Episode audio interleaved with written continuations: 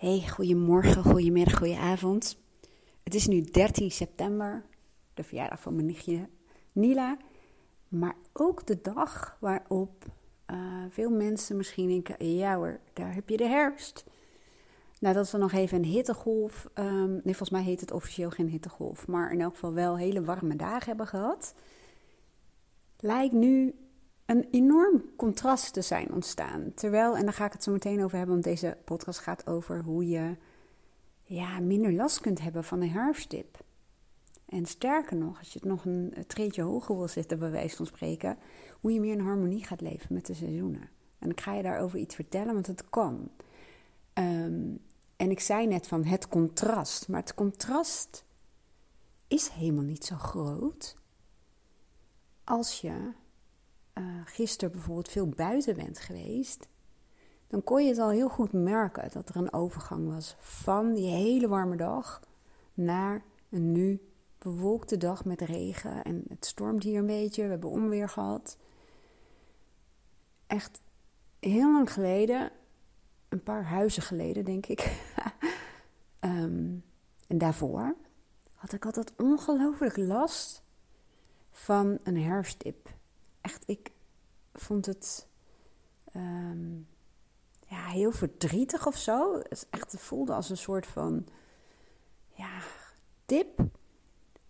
En ik voelde me soms ook een soort van gevangen of zo. Van, natuurlijk kan je de deur altijd het hele jaar open doen, maar dat is denk ik niet altijd heel handig. Misschien ook wel. Maar in elk geval dat gevoel van uh, meer naar binnen gaan. En uh, nou ja, ik kan wel uitleggen wat je voelt bij een herfstdip. Maar dat hoef ik denk ik helemaal niet te doen, want anders zou je deze podcast waarschijnlijk niet luisteren.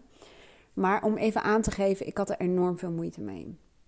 En ik keek altijd weer heel erg uit naar de zomer. Ik sloeg toen nog een soort van de lente over. Voor mij was de zomer het seizoen, zullen we maar zo zeggen.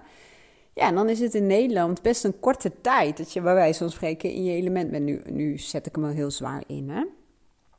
Maar um, ik weet nog wel, toen ik, ik denk dat het in 2007 was dat ik burn-out klachten kreeg. Dat wil zeggen dat ik twee weken ziek was met griep en, en ik was helemaal aan het huilen. Ik was doodmoe. En um, in die twee weken, toen was dus ook echt uh, thuis. Toen in één keer kwam ik een soort tot stilstand. Dat ik in één keer besefte: oké, ik heb ben zoveel aan het jagen geweest. En ondertussen, klinkt heel raar, hè, maar dat was een gevoel wat ik had. Ik was buiten namelijk, dat ik dacht... Ondertussen is er gewoon de natuur doorgegaan. En zijn er dingen gegroeid. En ik heb het gewoon allemaal gemist. Dat was voor mij echt een heel groot inzicht. Dat ik dacht, ik leef zoveel in mijn hoofd. En um, in, in een ratrace. En in, met stress. En veel uh, doen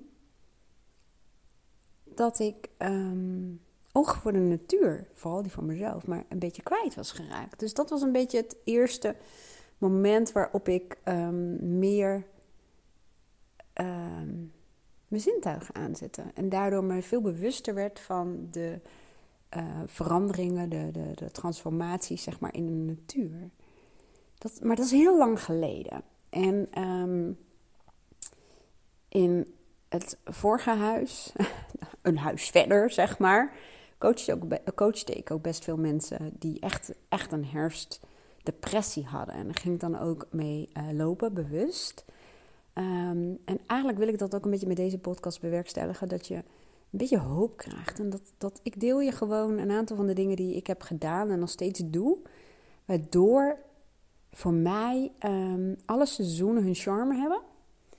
En waardoor ik gelukkig ben in elk seizoen. Um, waarbij ik nog steeds een grote voorkeur heb voor de lente en de zomer. Maar niet meer die herfsttip heb. Nou, wat is in mijn ogen het allerbelangrijkste? En dat kan ik je laten um, uh, zien, zeg maar, als het ware, door dat ik nu ook even mee heb gemaakt. Als dat minder is, dan, dan heb je die uh, gevoelens van de naderende herfst en dat je dat niet leuk vindt meer. Het allermeest heeft mij geholpen om heel veel buiten te zijn. En wat is de definitie van heel veel? Hè? Ik bedoel, um, nu, ten opzichte van een aantal jaar geleden, ben ik echt een groot deel, nee, dat is niet waar, een groot deel van de dag, maar een paar uur per dag buiten. Dat begint al met kwart over zes, um, of soms iets eerder gaan Aaron en ik het bos in met de hond. En ja, dat is nu al met een zaklantaarn.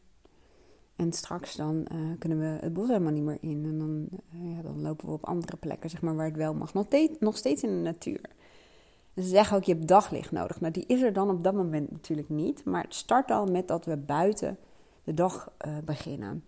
En ik ga zoveel mogelijk in elk seizoen gewoon naar buiten. Ofwel om buiten te lunchen, om te wandelen, om bijvoorbeeld podcast buiten op te nemen. Ga ik nu niet doen, want het stormt en dan kun je er echt helemaal niets van verstaan.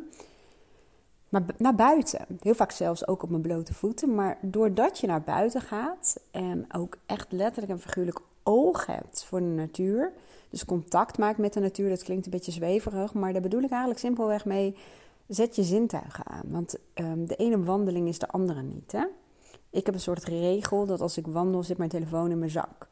Um, en um, ja, dan, dan heb ik oog voor wat er om me heen gebeurt.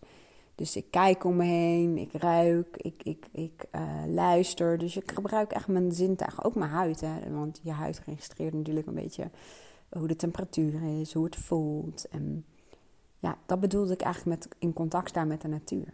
En door elke dag, dus ja, veel, ik weet het is een beetje subjectief um, woord, maar buiten te zijn, dan, um, dan, dan, ja, je bent onderdeel van de natuur. Dan, ja, dan lijkt het voor mij alsof je ook gewoon meegaat in de verandering van het seizoen. En um, dan merk je ook, tenminste ik heb dat heel sterk sinds ik zoveel buiten ben, zeg maar.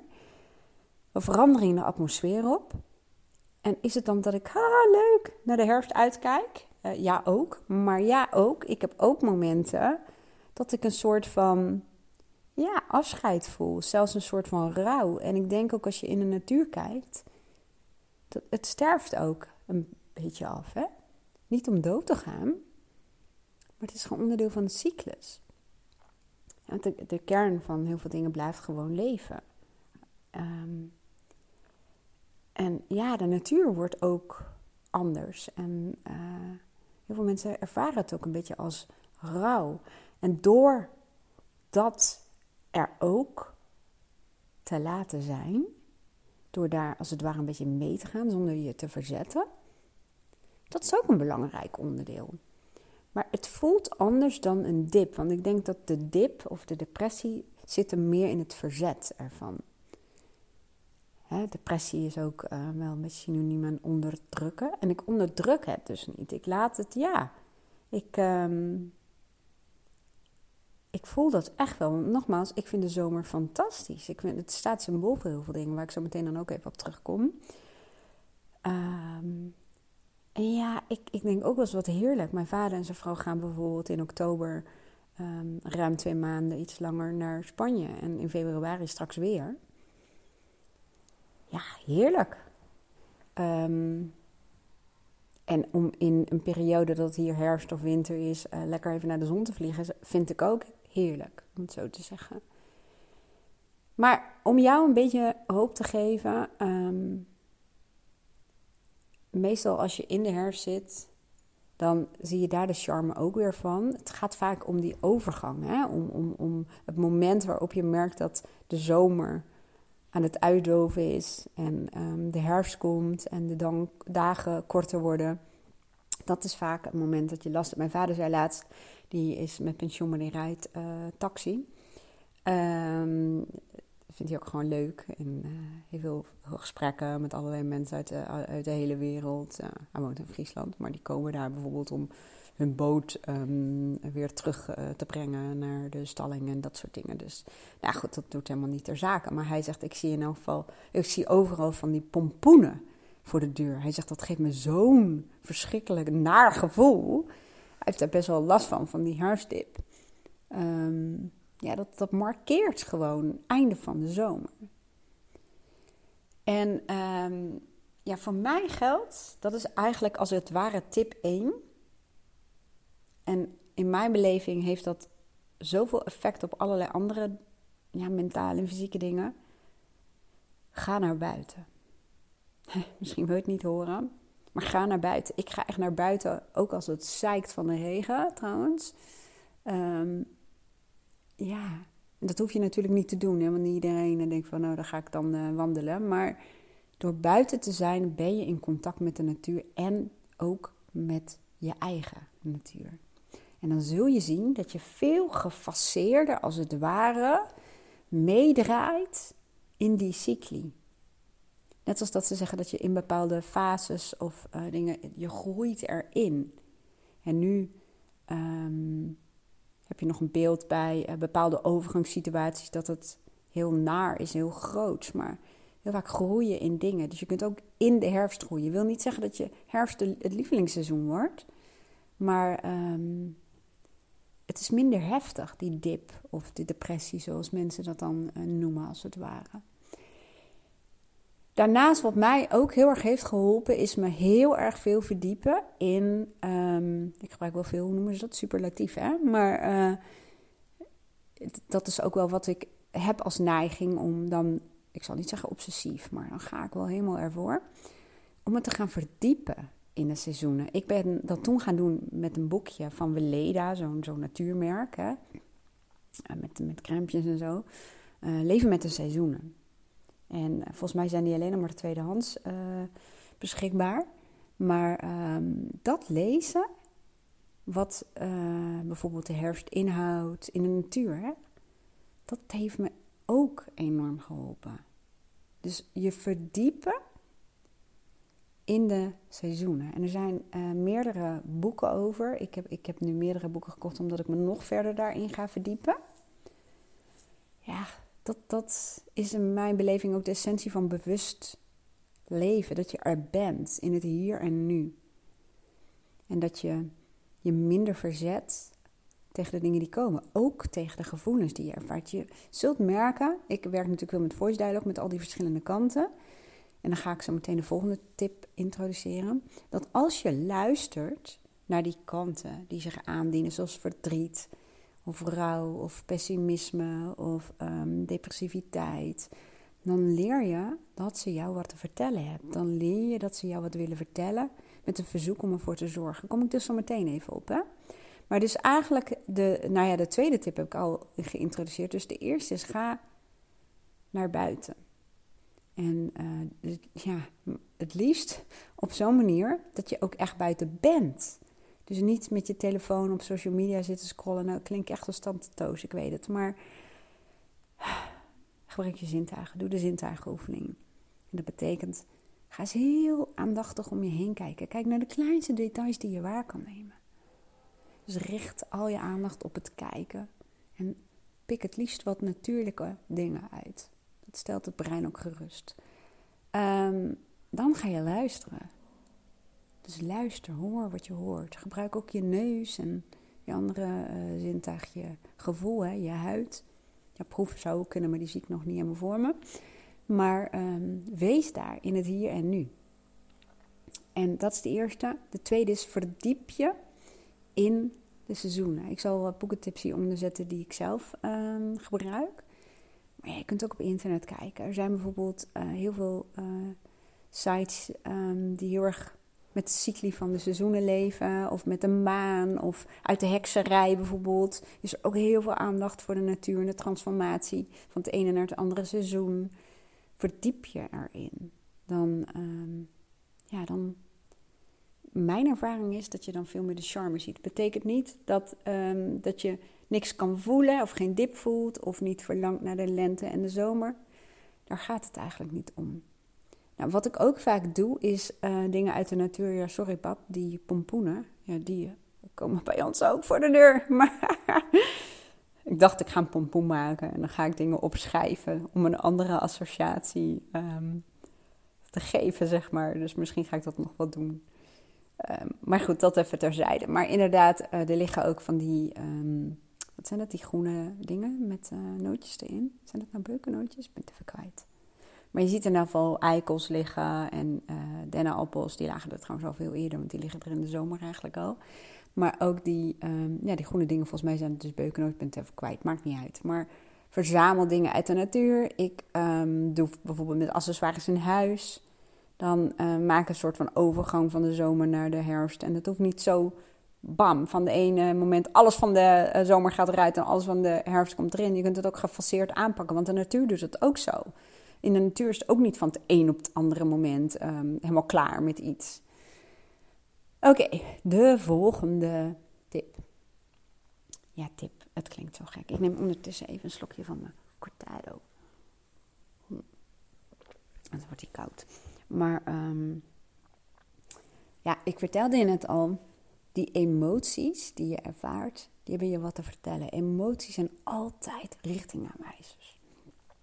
Dat wil zeggen, ja, als je ook het um, linkje legt met de wet van aantrekkingskracht, emoties zijn je richtingaanwijzers. En ik trek ook het linkje naar uh, persoonlijke waarden waar ik heel veel mee werk. Dat kun je ook allemaal online bij mij doen als je dat leuk vindt. Um, ik zet even de linkjes hieronder. Of ik weet niet welk kanaal je te luistert en waar dat dan precies staat. Maar ik zet de linkjes voor je neer. Nou, um, emoties zijn dus richtingaanwijzers.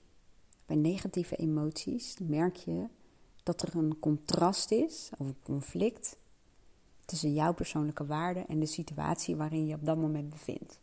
Dat kan zijn contact met iemand, of dat kan inderdaad de overgang zijn van de herfst naar de zomer. Die emoties, die hebben een functie. Anders zouden we ze helemaal niet hebben. Maar wat we vaak niet doen, is er naar luisteren. We proberen het vaak te overroelen door ons te verdoven, door afleiding te zoeken. Nou is afleiding helemaal niet verkeerd, hè, daar gaat het niet om. Maar verdoven is wat anders, of dempen is ook wat anders. Want vaak zie je dat het juist dan harder gaat schreeuwen. Dat het erger wordt. En dan moet je nog harder werken om het te verdoven of te dempen. En verdoven, veel mensen denken dan aan drank of aan, drugs of wat dan ook. Um, maar het gaat ook over het gebruik van je telefoon en je social media en alles. Dat is ook dempen en verdoven. Nou, anyway, hoe, luister je daar dan naar? Kijk, de overgang van de zomer naar de herfst, vooral de pijn die heel veel mensen voelen bij de intrede van de herfst, dat is niet zomaar. Dat komt omdat de zomer, en de lente waarschijnlijk ook, symbool staat voor waarden die voor jou belangrijk zijn. En dat is al iets, een stukje zelfonderzoek waar je echt wat mee kunt doen. Van waar staat dan de zomersymbool voor? Wat ga je missen? Wat maakt dat je die pijn voelt? Je gaat dus als het ware luisteren naar je emoties. En ik koppel dat dan vaak aan kanten van jezelf. En daar kom ik zo meteen op terug. Er zit natuurlijk ook iets biologisch achter, maar daar kom ik zo meteen wel even op terug. Probeer het een beetje te ordenen. Dus um, het luisteren naar die emoties, die kanten die zich aandienen, kan je zoveel helderheid geven. En mensen houden ervan om regie te hebben en bepaalde doelen te kunnen nastreven. Kijk, als ik het nu even zo out of the blue doe, um, die emoties vertellen mij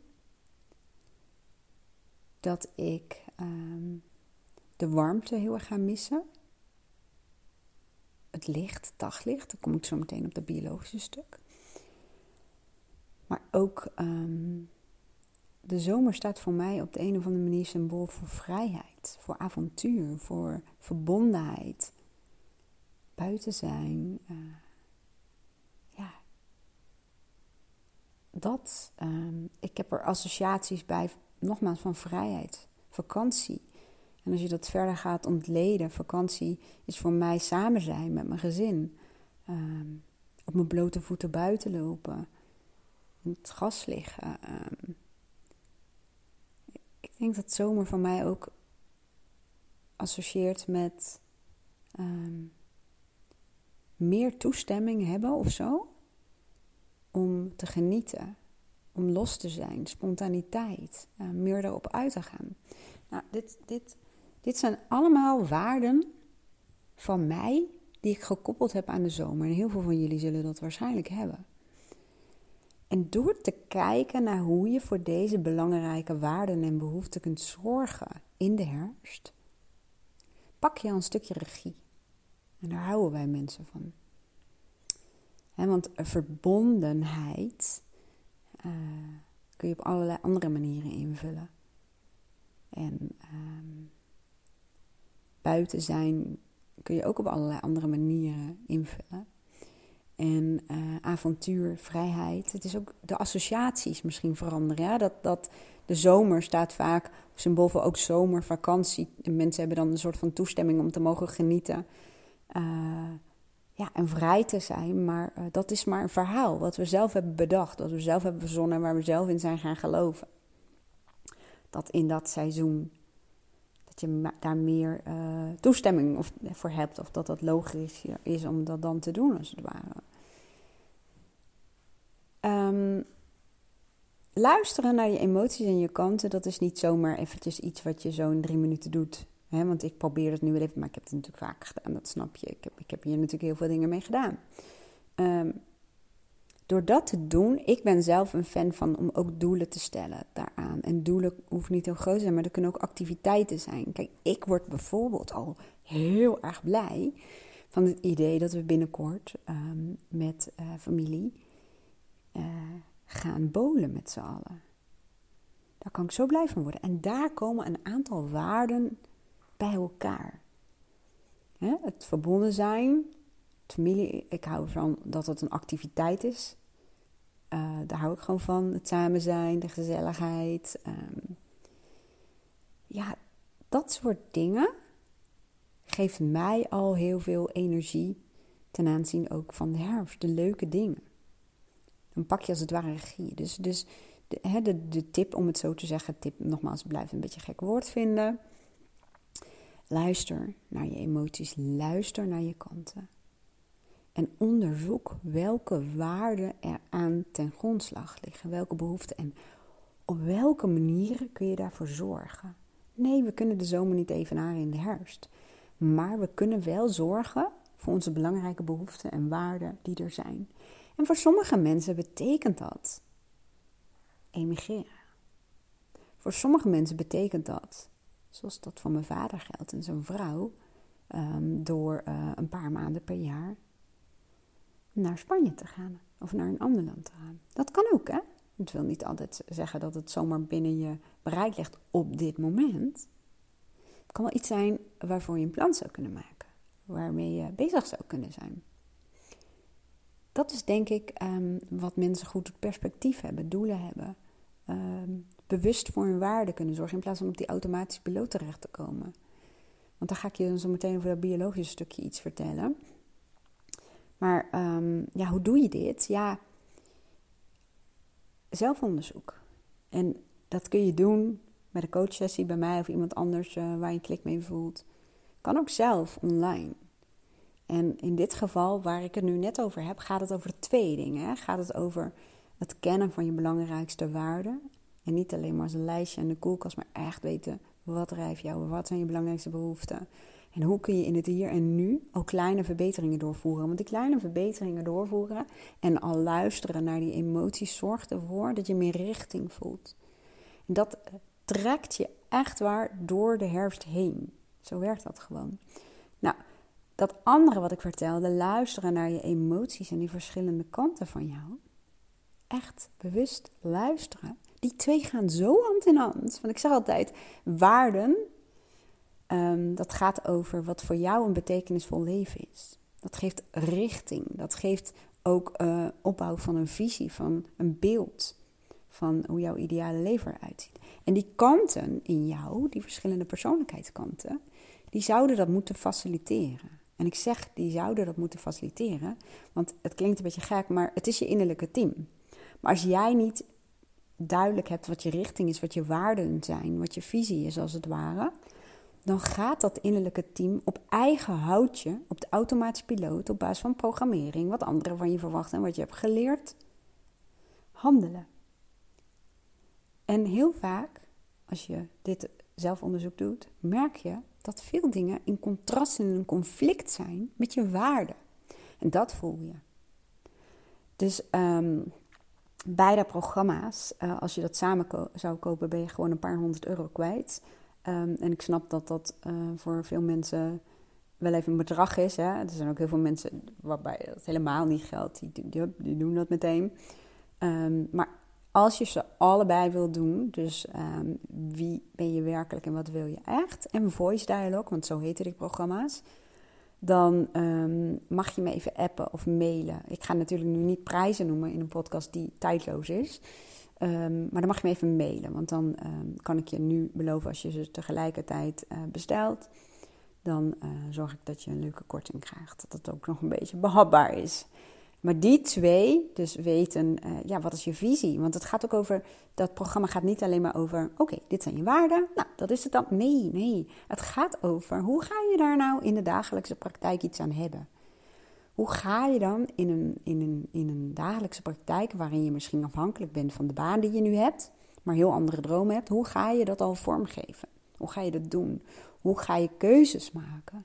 Ja, want het is ook je innerlijke kompas. Hoe maak je keuzes? Maar hoe maak je keuzes die um, je heel spannend vindt, omdat ze conflicteren met wat anderen vinden of van je verwachten? Daarom zijn mijn programma's allemaal enorm praktijkgericht, want anders blijft het theorie en daar heb je in mijn beleving helemaal niets aan. Ze zeggen ook kennis is macht, maar dat is niet zo. Kennis is geen macht, maar het kunnen toepassen van kennis, dat is macht. Het kunnen toepassen in jouw voordeel. Nou, dus dat en je innerlijke team heb je natuurlijk nodig. Want stel dat jij um, op basis van uh, dat programma ja, uh, weet, oh maar oké, maar nu heb ik dus richting. Nu heb ik een beeld van wat ik echt wil, wat belangrijk is in mijn leven. En als dat inhoudt dat je meer ja gaat zeggen tegen de dingen waar jij van houdt, waar jij blij van wordt, en meer nee gaat zeggen tegen andere mensen bijvoorbeeld, maar jij hebt nog een innerlijke pleaser aan je stuur zitten, dan wordt niet wat. Daarom gaan die twee hand in hand. Je hebt je innerlijke team nodig. Die moet als het ware opgesteld worden conform jouw visie en je waarden. Of eigenlijk is het een visie die gebaseerd is op jouw waarden. We hebben het nog helemaal niet over je missie gehad, maar dat zit daar ook in. Het zijn natuurlijk nogal van die containerbegrippen. Maar dat is het. Daarom um, eigenlijk alles wat ik doe in mijn coaching, in mijn academy en ook van Mindshifters, dat is onlosmakelijk met elkaar verbonden. Alles volgt elkaar op, heeft met elkaar te maken. Net zo goed als um, de wet van aantrekkingskracht. Heel veel mensen uh, werken op basis van de filosofie erachter. Heeft hier ook mee te maken. Maar ook communicatievaardigheden. Hè, van um, als je meer nee wilt zeggen, of meer uit wil komen voor wat je echt wil en denkt, ja, dan helpt bijvoorbeeld ook om communicatievaardigheden te leren. Maar goed, eventjes los van dat, anders wijden we misschien over, af. Nee, dat is niet, wijden we uit. Um, want ik zei nog dat ik je wat meer ging vertellen over het biologische stuk. En ik vind dit een mooie um, gedachte. En het komt uit de evolutiepsychologie. En ik vind het boek van uh, Ronald Gippard en Mark van Vught. Mark van Vught is een evolutiepsycholoog. En Ronald Gippard is een schrijver. Die hebben samen twee boeken geschreven.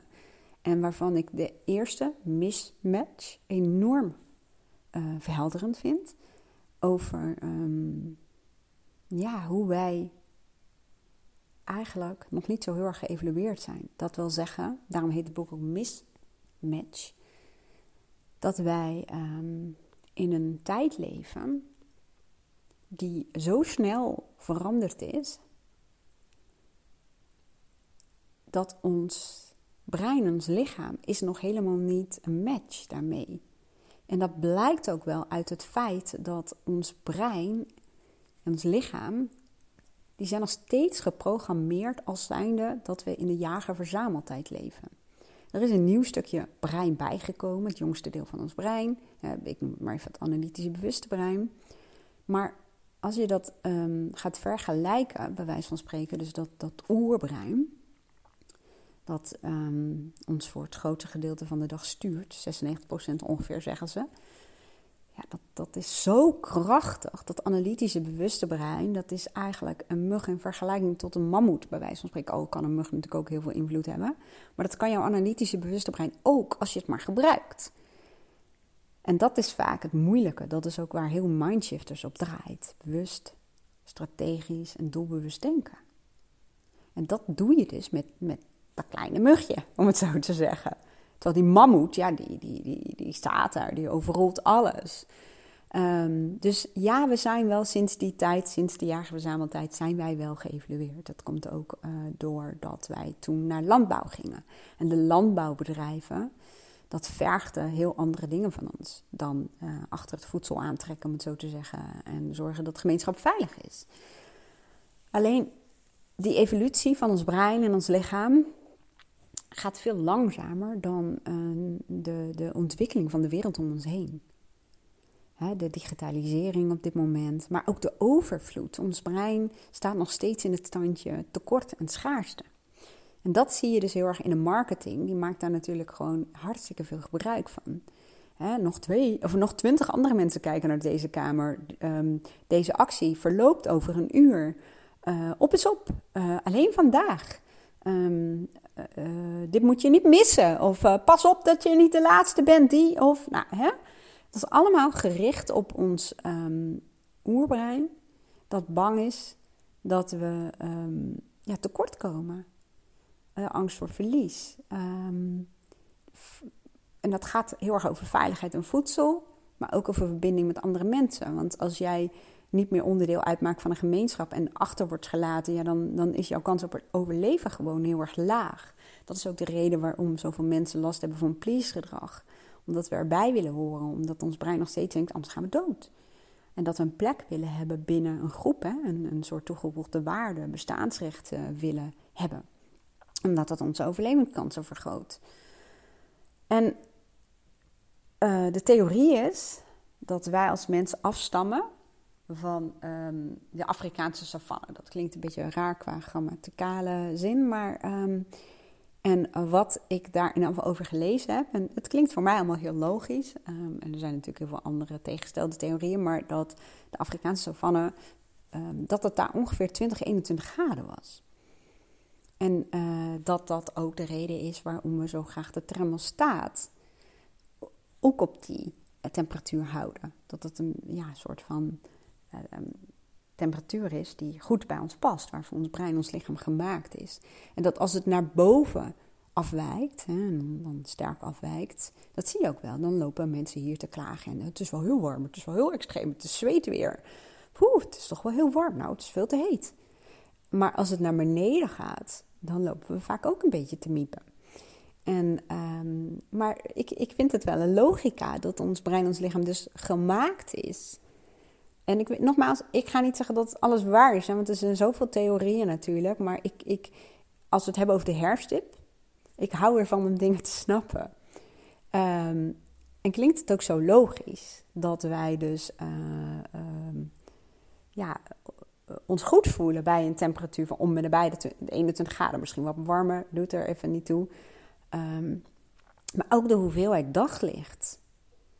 Hè, dat dat ook is wat we nodig hebben als mens. Maar dan zie je ook dat mensen die dichter bij de natuur leven, volgens mij hoor je mijn maag knorren, um, dus veel buiten zijn. Ook al is er minder daglicht dan in de lente en in de zomer, maar die voelen zich vaak wel beter. Dat is ook mijn eerste tip van ga naar buiten. Kijk, ook al is het bewolkt, is het lumen, het aantal lumen van licht, lichtsterkte.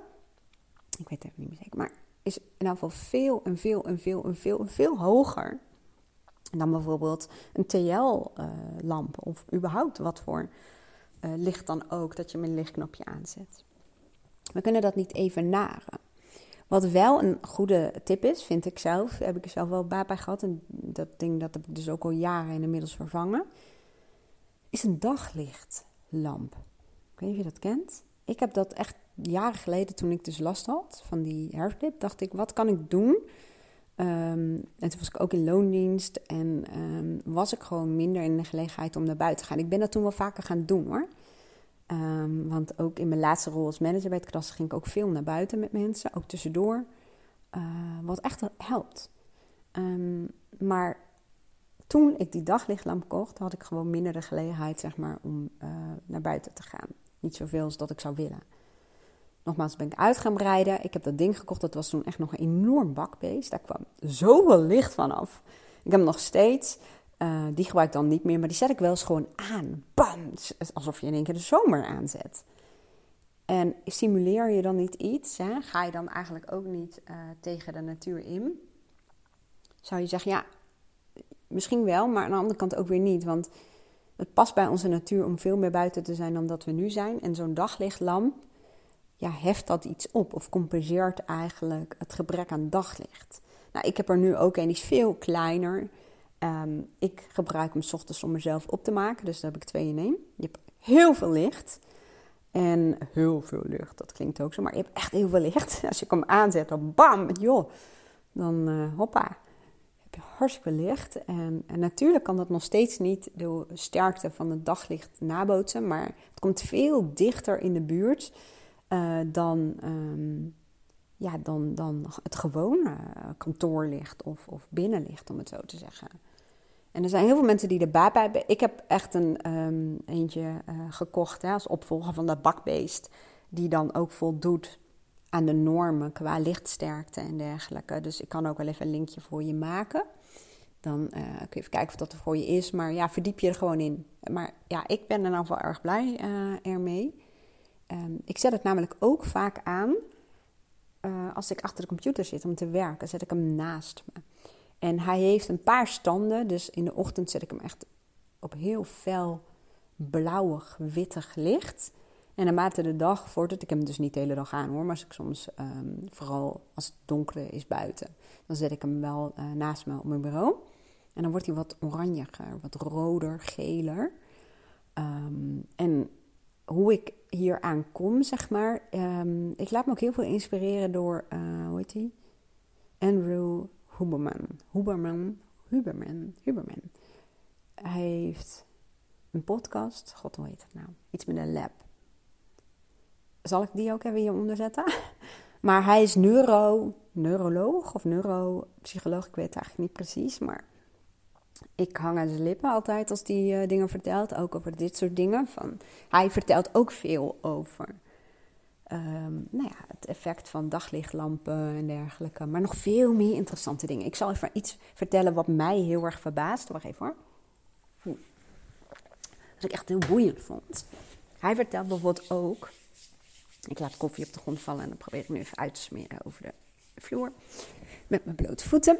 Maar um, hij vertelt ook dat als jij op je telefoon naar beneden kijkt, of als jij werkt op je laptop en je kijkt naar beneden, dan um, neurologisch gezien komt je brein een beetje in de ontspanningsmodus. Te ontspannen als het ware.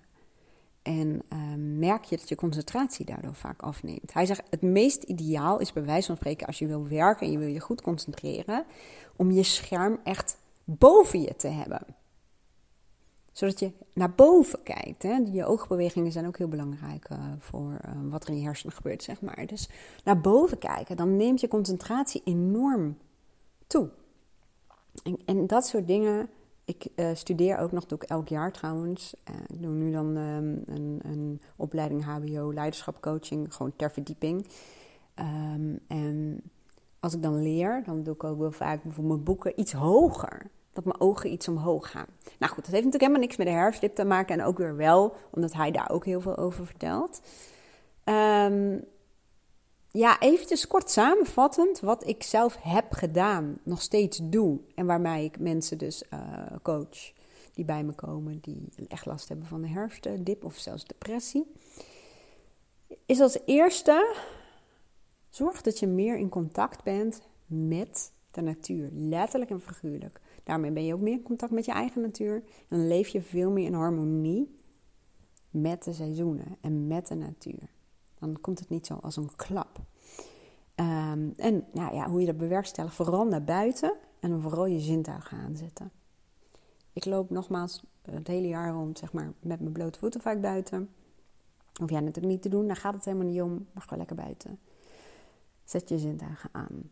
Nou, verdiep je in de seizoenen verdiep je erin door bijvoorbeeld podcasts te luisteren, door te lezen, wat voor jou gewoon past.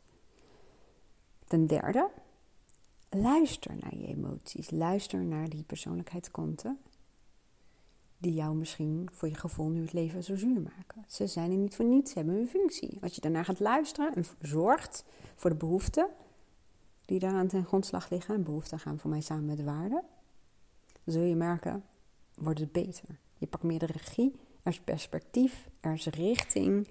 Um, ja, en het overkomt je allemaal niet meer zo erg. Dus waar je invloed hebt, die, die pak je als het ware. Ook bijvoorbeeld om bepaalde activiteiten al te plannen. Wat ik zei, metabolen bijvoorbeeld. Hè? En zo zijn er nog heel veel meer activiteiten waar ik naar uit kan kijken, die uh, met de herfst te maken hebben. Daarna, um, ja, mij heeft het heel erg geholpen om bijvoorbeeld um, me te verdiepen in evolutiepsychologie. Uh, en en um, dat hoeft niet uh, psychologie te zijn, maar überhaupt evolutie uh, kun je je in verdiepen als het jou helpt, als je iemand bent die graag dingen wil begrijpen. Een aanrader daarvoor is het boek Mismatch. Dat leert je ook heel veel andere dingen te snappen en te begrijpen en te kunnen plaatsen. Ja, voor mij werkt dat. Uh, en um, ja, leven met de seizoenen kan ook betekenen. En ja, ik wou zeggen, wellicht spreekt dan meer vrouwen aan, maar dat is maar de vraag of dat waar is. Ik ken ook heel veel creatieve mannen. Maar uh, door ja, in je huis er meer uiting aan te geven. En dat hoeft niet, nogmaals, alles van de zomer eruit en alles van de herfst erin. Hè? Dat kun je heel gefaseerd doen, want dat is ook wat de natuur dus doet. Hè, die doet niet in één keer, bam, nu, instant is het herfst. Nee, dat is een overgangsfase. En ik denk dat als je meer in die overgangsfase zit, dat betekent ook gewoon bewust leven. Hè? Dan ga je ook meer met de natuur mee. En um, dat betekent ook het uh, ja, bewust voelen en erkennen dat je rouw voelt of verdriet voelt. Of... Want we denken allemaal maar dat het allemaal geluk maakbaar, je moet altijd blij zijn en vrolijk zijn, maar dit hoort er ook bij. En um, dan gaat het ook sneller. Als je ruimte daaraan geeft en er luistert, dan blijft het ook vaak niet zo lang hangen. Dus dat. En het is natuurlijk ook, hè, dat is met alles zo. De herfst uh, kan positief of negatief voelen, omdat je er een bepaalde betekenis aan geeft.